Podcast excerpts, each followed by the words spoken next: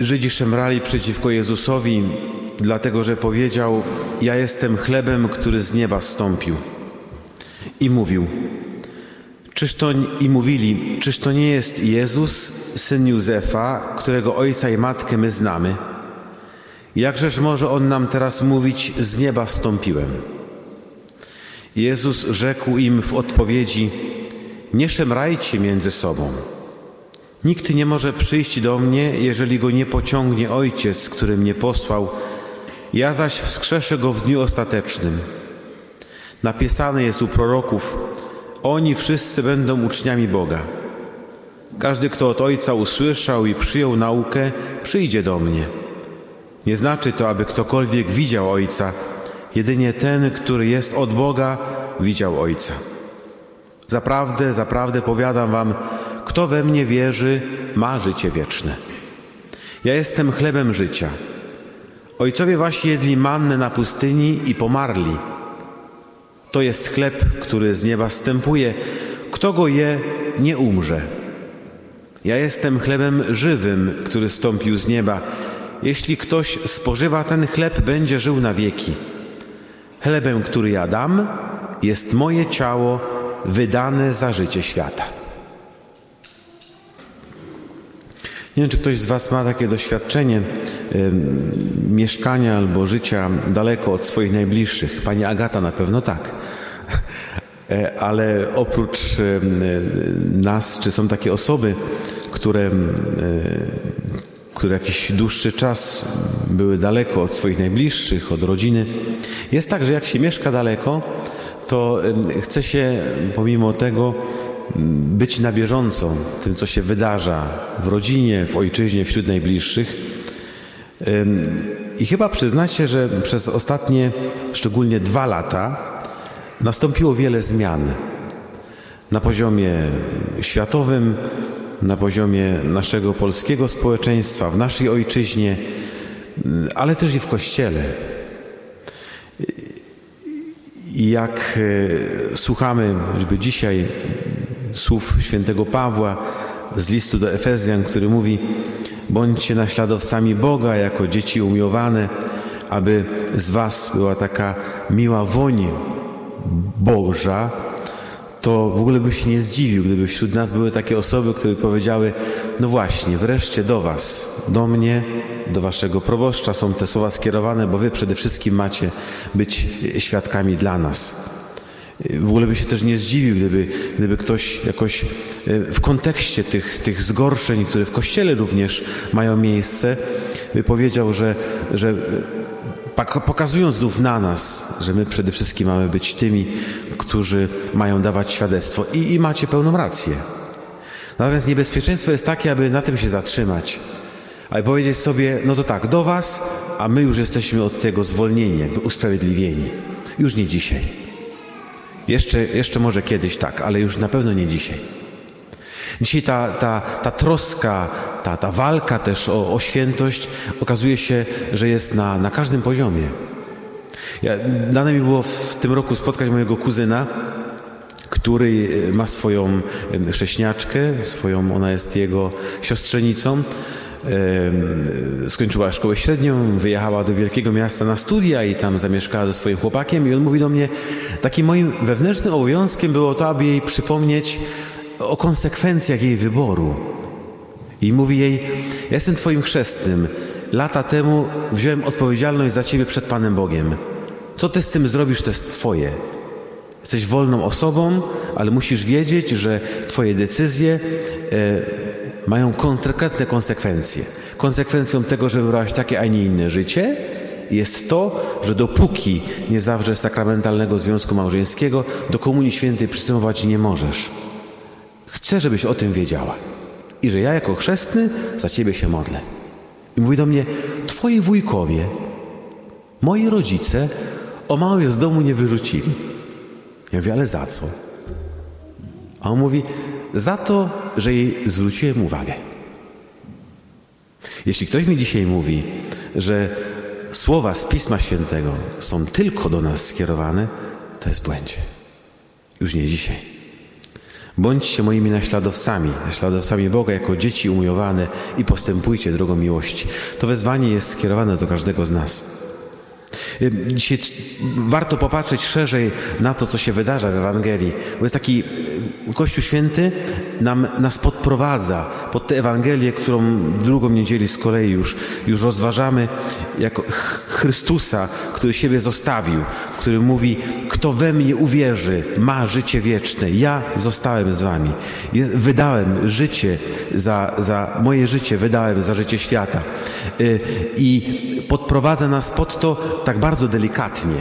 Większość z Was uczestniczy we mszy świętych regularnie, co niedzielę. Zaczęło się to wszystko od, od tego momentu, kiedy Chrystus e, kiedy Chrystus dokonał takiego spektakularnego cudu, wskrzeszając dwunastoletnią córeczkę. Apostowie to widzieli. Uczniowie, którzy chodzili za nim, widzieli wszystko i już wtedy mówili: Panie Boże, y, Panie Jezu, nikt takiego cudu jeszcze nie dokonał. My już w Ciebie teraz wierzymy. Pan Jezus podprowadza apostołów do Nazaretu, tam widzi, że mogą być odrzuceni, ale oni później idą i znów w imię Jezusa czynią rzeczy nieprawdopodobne. I znów wracają i mówią: My już w Ciebie teraz wierzymy. Myśmy złe duchy w Twoje imię wyrzucali. I podprowadza ich do tego momentu, kiedy mówi: Ja jestem chlebem żywym. Kto mnie spożywa, będzie żył na wieki. I odchodzą. I odchodzą. Ile razy w naszym życiu jest tak, że my naprawdę wierzymy w tego Pana Boga. My naprawdę chcemy Go postawić na pierwszym miejscu. Ale bardzo często, kiedy Pan Bóg wymaga troszeczkę więcej, mówimy: O nie, nie, dalej Cię nie wpuszczę. A Jezus ciągle nas jakoś y, podprowadza i chce przekonać nas do tego, że jeśli chcemy widzieć cuda, moi drodzy, Pan Jezus musi być wszędzie, każdym momencie. I to jest trudne. Rzeczywiście ja przez te szczególnie ostatnie dwa lata, kiedy y, w Jorku, kiedy nie mogłem przyjechać tutaj z powodu pandemii do Polski, dokonało się też w moim życiu jakieś takie osobiste nawrócenie. Y, bo Pan Bóg też podprowadza do pewnych rzeczy. Myśmy y, dwa lata w ubiegłym roku, na początku ubiegłego roku, rozpoczęli budowę jednego z kościołów. Wszystko było pięknie, ładnie, dopóki nie, nie wybuchła pandemia. W marcu w połowie marca ubiegłego roku wszystko zamknięte zostało. Dosłownie, wyobraźcie sobie Gosławice, na kilka miesięcy odcięte od świata, zamknięte, nie było możliwości ani wyjazdu, ani przyjazdu do, do, do całej gminy. W każdej wiosce były szlabany. Taki, taki troszeczkę trudny czas. Wszystko trzeba było zawiesić. Później sprowadzić po kilku miesiącach robotników dosłownie na, na osiołkach, żeby oni kontynuowali pracę, żeby te materiały, które myśmy zebrali wcześniej, aby nie zniszczyły się. I brakło pieniędzy. Kom, totalnie. Ja mówię, Panie Boże, to nie, nie jest w ogóle moja sprawa. To nie jest moje dzieło. W ogóle nie chciałem tego zrobić. Jeśli to jest Twoje, to teraz pomóż. Zrób coś. Jeśli nie, to my zamykamy wszystko i poczekamy. A Pan Bóg mówi: najpierw wszystko Twoje, a potem dalej pogadamy. Ja mówię: To ja opuszczam Polskę. Ja tu jestem misjonarzem, a Ty mi teraz mówisz, że ja mam jeszcze wszystko oddać? I drobna rzecz.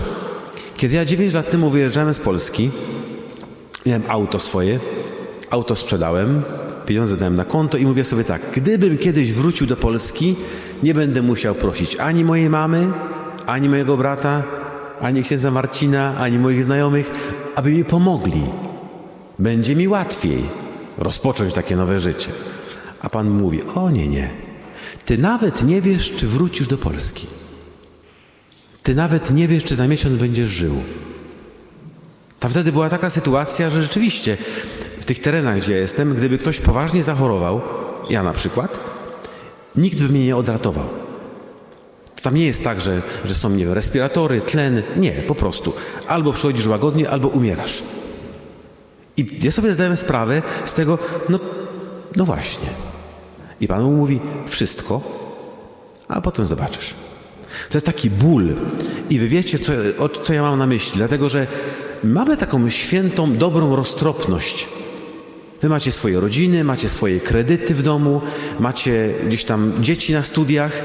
To nie jest tak, że, że ty wszystko wydasz i powiesz, no to Panie Boże, to teraz daj mi.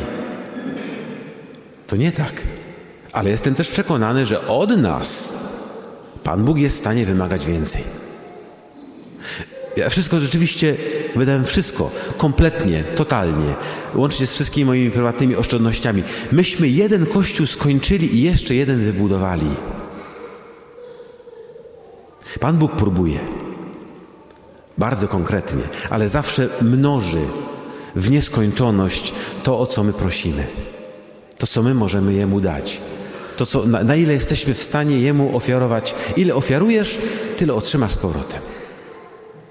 Był taki moment, kiedy ubiegłym roku kilka wspólnot tutaj z Opolszczyzny, szkół również i parafii zaangażowało się w taką akcję y, pluszaki, aby wysłać pluszaki do, do Peru, tam gdzie ja pracuję.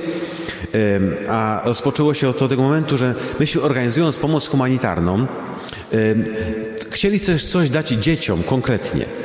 Y, każda rodzina otrzymywała paczkę z pomocą humanitarną, ale dzieci mnóstwo. Ważne było, aby dziecku, dzieci, które przychodziły, aby coś otrzymały.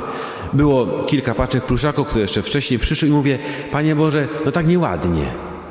Myśmy w dwóch, trzech wioskach zorganizowali tę pomoc i brakło. I mówię, no wypadałoby, żeby było więcej. Kilka osób tutaj e, się w to zaangażowało.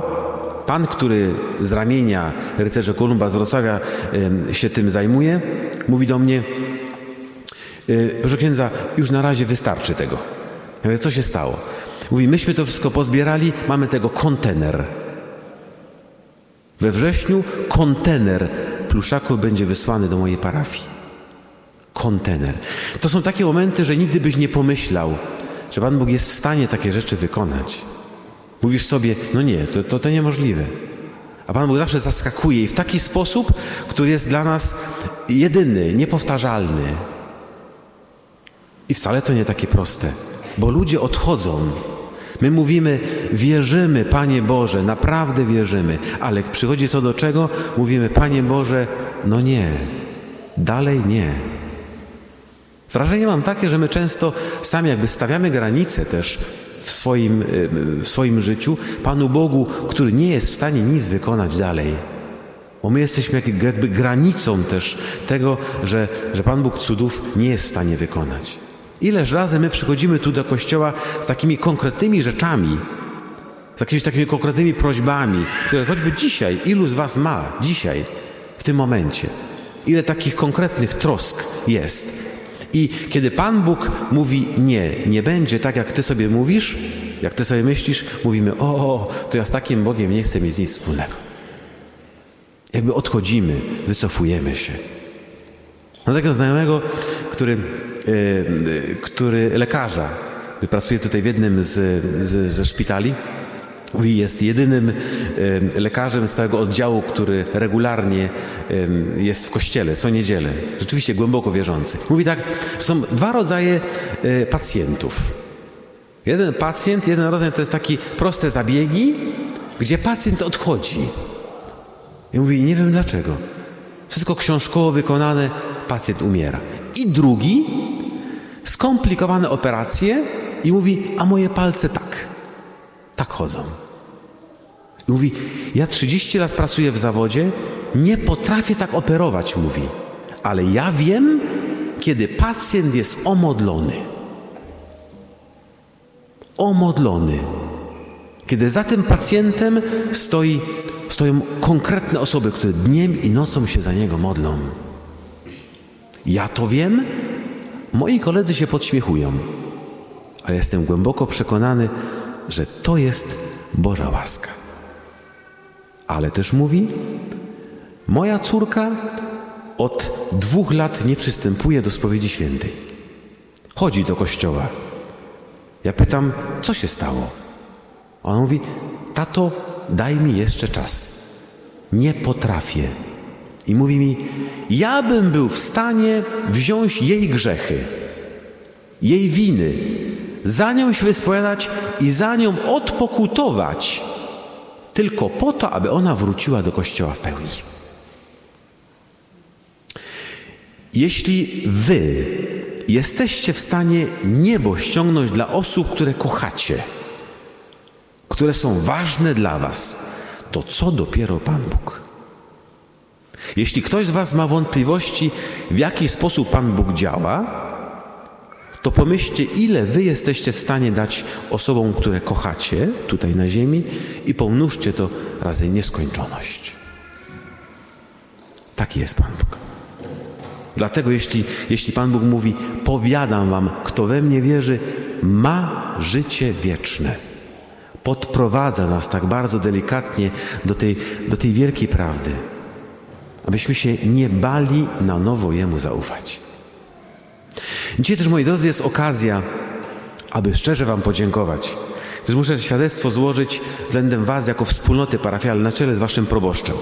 Kiedy zaczęła się e, taki ten trudny moment, taki w ubiegłym roku, kiedy myśmy właściwie zostali też odcięci od takiej możliwości y, y, funkcjonowania normalnego, ale też i pozyskiwania środków, Wasz proboszcz był jednym z pierwszych, który do mnie zadzwonił, napisał, y, przesyłając konkretne pieniądze na utrzymanie parafii i całej misji.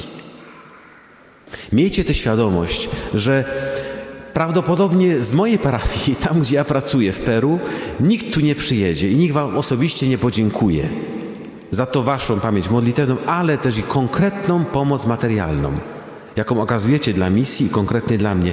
Ale miejcie e, świadomość, że macie udział w uśmiechu tych ludzi, we wdzięczności tych ludzi. I też moim konkretnym, że dzięki Wam również ta działalność misyjna jest możliwa. Niech Wam wszystkim Pan Bóg szczerze błogosławi, abyście y, nie bali się, nie bali się każdego dnia na nowo Panu Bogu zawierzyć. Wszystko, wszystkiego to, co, co w Waszym sercu jest, co się wydarza, a Pan Bóg nigdy Was nie zostawi. Wszystkiego dobrego i szczęść Boże.